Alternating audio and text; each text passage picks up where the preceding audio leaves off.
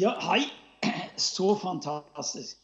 Tenk jeg skulle få lov endelig være sammen med folket fra Haugalandet. Jeg, eh, jeg må jo si jeg har sett fram til å treffe dere i Haugesund misjonskirke. Og ja, så ble det på denne måten.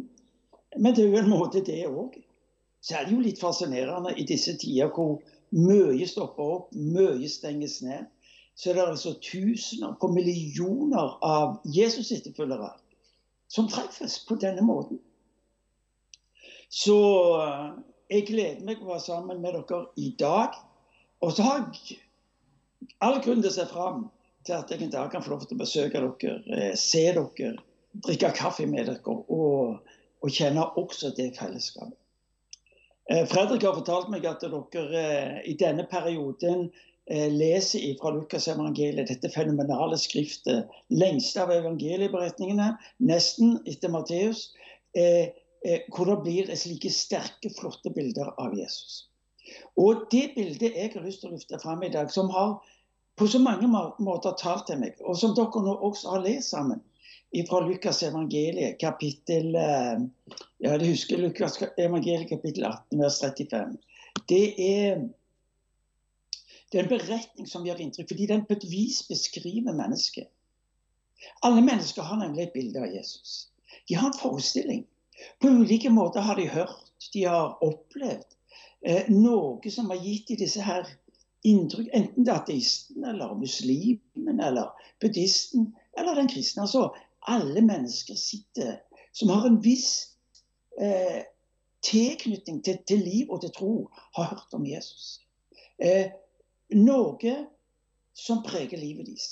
Og personen Bartimeus som vi skal følge med i dag, han, han oppholdt seg på det meste på langs landeveien. Det var hans forretning. Det var der han levde livet. Det var der han hadde inntektene sine. Det var der han tigde. Eh, han var der hver dag. Også på lørdag, for da var det sabbat. Men i dag er det noe spesielt. I dag er det mange mennesker. Svært mange mennesker.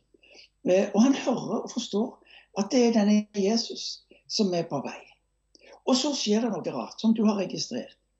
Han begynner å rope og det er ikke sånn dempa, sånn diskré liksom sånn kristelig.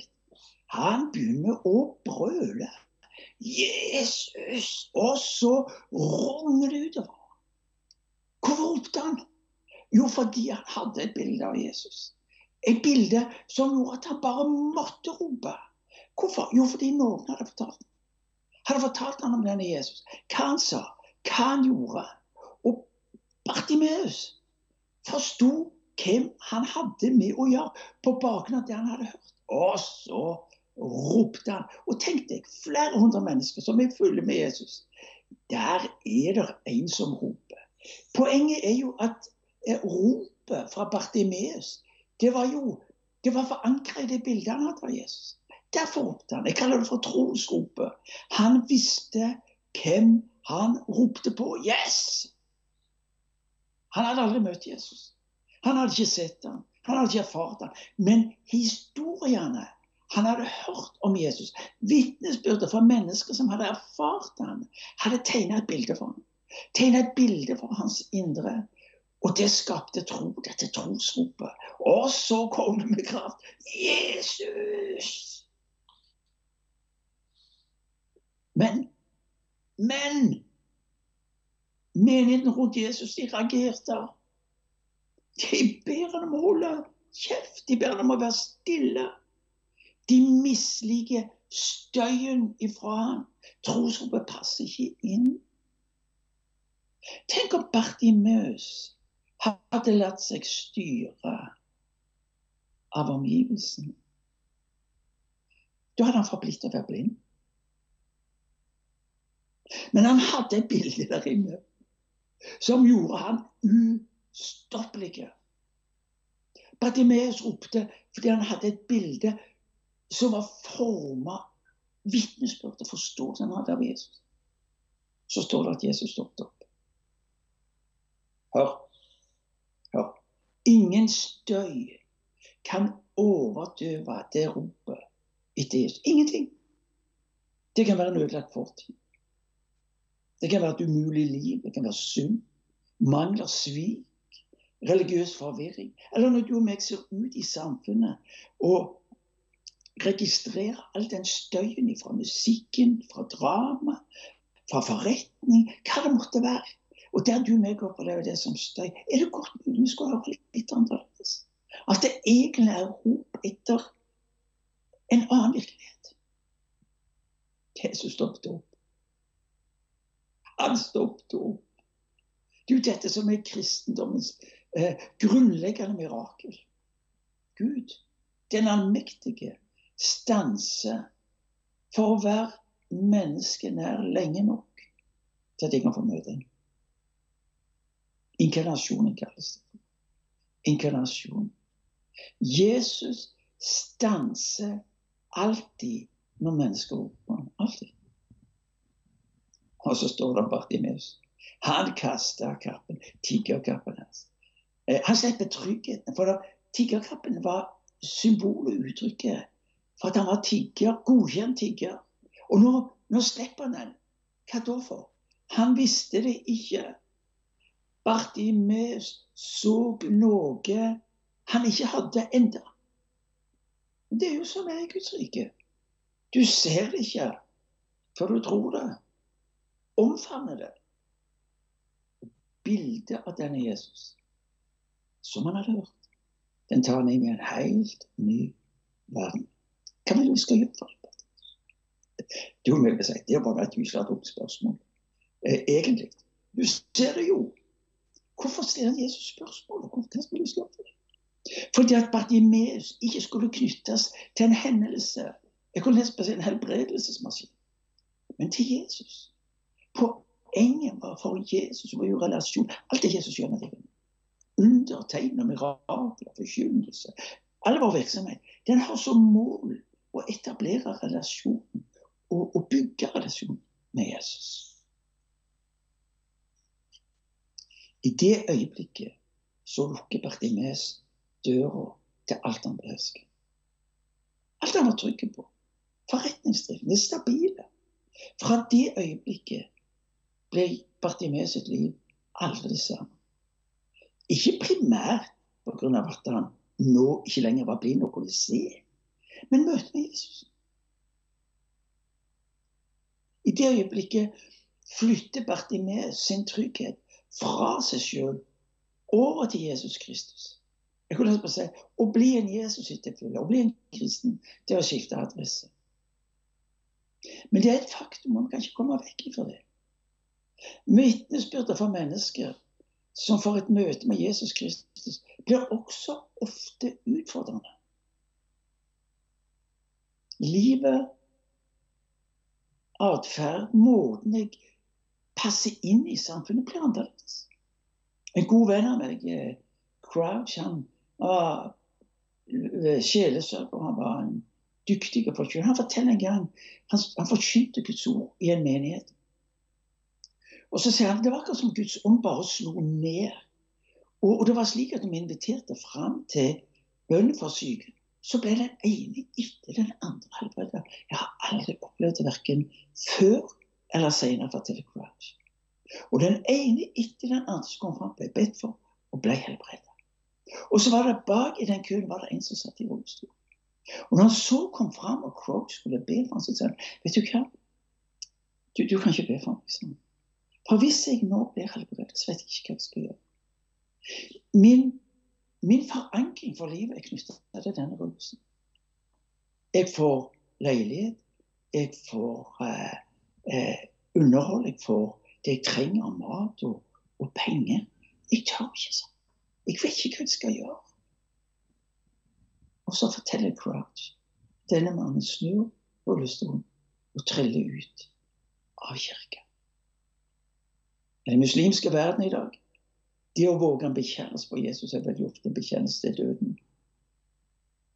Jeg har møtt noen av de bekjennelsene fra ulike flyktningmottak. Så se for deg situasjonen for Bartimeus. Han har valgt å slippe tak i det som er hans trygghet. Og så står han nå foran denne Jesus og går ut på. Og det første han ser, det er Jesus. Ansiktet til Jesus. Når øynene hans går opp, og han ser hva er det han ser?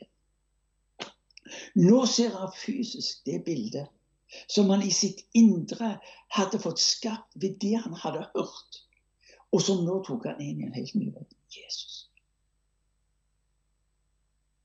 Hør nå. Hvis ikke Jesus får gi deg nye bilder av seg, vil du heller ikke handle. Det første mennesket ser ved skapelse, er Guds ansikt. Når han blåser sin ånd i Adam, første parte til å se, det er Guds ansikt. Din tro har frelst deg, sier Jesus til Bartimus. Eh, din tro har frelst deg, eller gjort deg hel. At jeg får lov til å blåse mitt liv inni deg. Saken er den du ser ikke Gud som han er, men du ser han som du er. Det er riktig, det. Derfor blir bønnen fra Paulus i Efeserbrevet om at vi skal få opplyst det ene, slik at vi kan se Kristus som han er, og bli han lik. Det, det er et lite alvor i dette, for dette hva du ser, kommer ofte også an på hva du vil se. Vi velger ofte det bildet av Gud som passer oss. Og så skaper vi til tider Gud i vårt bilde. Og så blir bildene vi har, ja, til tider en beskyttelse mot Gud. Og det har en vel måtte finne på. Det var som en sa, du vet, å tro på Gud det er nesten som å utsette seg for de uvante og det ukjente. Du vet jo ikke hva han finner på. Hør, han elsker deg. Han har et mål for deg. Det er at ditt liv skal bli det optimale. Derfor betaler han en sånn høy pris. Derfor tar han vekk de synd, slik at du skal få lov til å fullføre det som er hans hensikt med ditt liv. Du, hør nå. Menighetens største fare er at de tror at de vet hvem Jesus er fullt ut. Vet du hva? Da begynner vi å kontrollere ham. Så hva er ditt rop? Hva er ditt rop? Når du er alene, du kjenner smerten. Du kjenner på sorgen, frustrasjonen, fortvilelsen. Og det tar tid og krefter i det. Hva var det de gjorde med Bartimus? De førte han til Jesus. La deg føre til Jesus. Denne tida, la han få gi deg bilder som tar deg inn i det som er hans rike, begeistringen, seierens verden. Men også bildene av han som har stoppa opp og ber deg komme og sette navn på nettopp smerten, sorgen, sviket, usikkerheten. At du må få se ikke en løsning først og fremst, men må få lov til å se han. En ting til. Hva er din kappe? Bartimeus slengte fra seg selve symbolet på sin livssituasjon, tiggerkappen. Hva binder deg til den situasjonen som former ropet om endring og hjelp? Hatet, uforsonligheten, jobben, synd, usunne relasjoner. Ja, du vet. Din situasjon, nå, din situasjon er Guds mulighet til å gi deg nye bilder om hvem han er. Jesus stoppa for Bartimeus, og han stopper for deg, og han stopper for meg. Men det innebærer at han må få lov til å ha kontrollen. Gjennom tre år ga Jesus disiplene nye bilder av hvem han var. Gud, Fader, Guds sønn og Den hellige ånd. Hele veien tre år. Hør nå. Er det slik at folk i Norge ikke våger å rope etter denne Jesus pga. kirka? Og så fyller de heller opp kontorene til alle de alternative miljøene og møteplassene. Men at ropet uteblir fordi folket vårt ikke har hørt våre historier. De har ikke hørt historiene våre. De har ikke hørt vitnesbyrdene våre. Saken er Jesus hadde ikke stoppa opp på veien ut forbi Jeriko om ikke Bartimeus hadde ropt en gang til. Det er et faktum at den norske befolkningen i liten grad, grad roper etter denne Jesus Kristus. Kan forklaringen være at han oppleves irrelevant? At ryktene om han er fraværende? Og at de aldri har hørt han gjør noe som minner om at han er Gud. Din situasjon akkurat nå er Guds mulighet til å vise deg hvem han er hvem han vil være i ditt liv.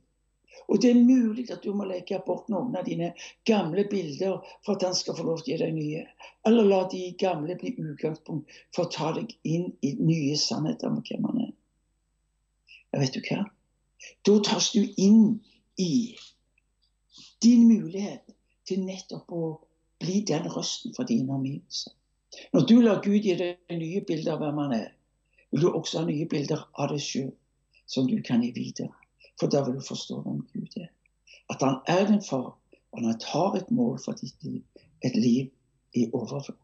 La han få lov til å vise deg hvem han vil være for deg i din situasjon der du er nå. Ikke vær så opptatt med alt det du trenger til, eller hva sagt, eh, du skal gjøre. La han få lov til å gi deg det du trenger. Og Da er vi tilbake igjen til Jesus spørsmål til Bartimus. Hva vil du jeg skal gjøre, Bartimus? Og så skal du få lov til å si La oss be. Kjære Herre Jesus Kristus, takk fordi du har stoppet opp foran oss. Ubegripelig, så nådefullt, så grensesprengende. Og så spør du om det kan du kan få gjøre. Herre, nå kommer vi fram til deg, hver enkelt av oss. En for ditt ansikt, og så ber vi for grip inn, Herre. La oss få se du eh, gjenopprette. Du fornyer. Du tar oss inn i det som er av ditt hjerte. Og så ber vi for om å få lov til å være, Herre, disse mulighetene for våre omgivelser. Ved at vi gir dem bilder, nye bilder av hvem du er. På en slik en måte at folk våger rope. Trosropet. Fordi de skjønte hvem du var. Gode far, vi takker deg og vi tilber deg. Lovet er ditt navn, Jesus. Amen.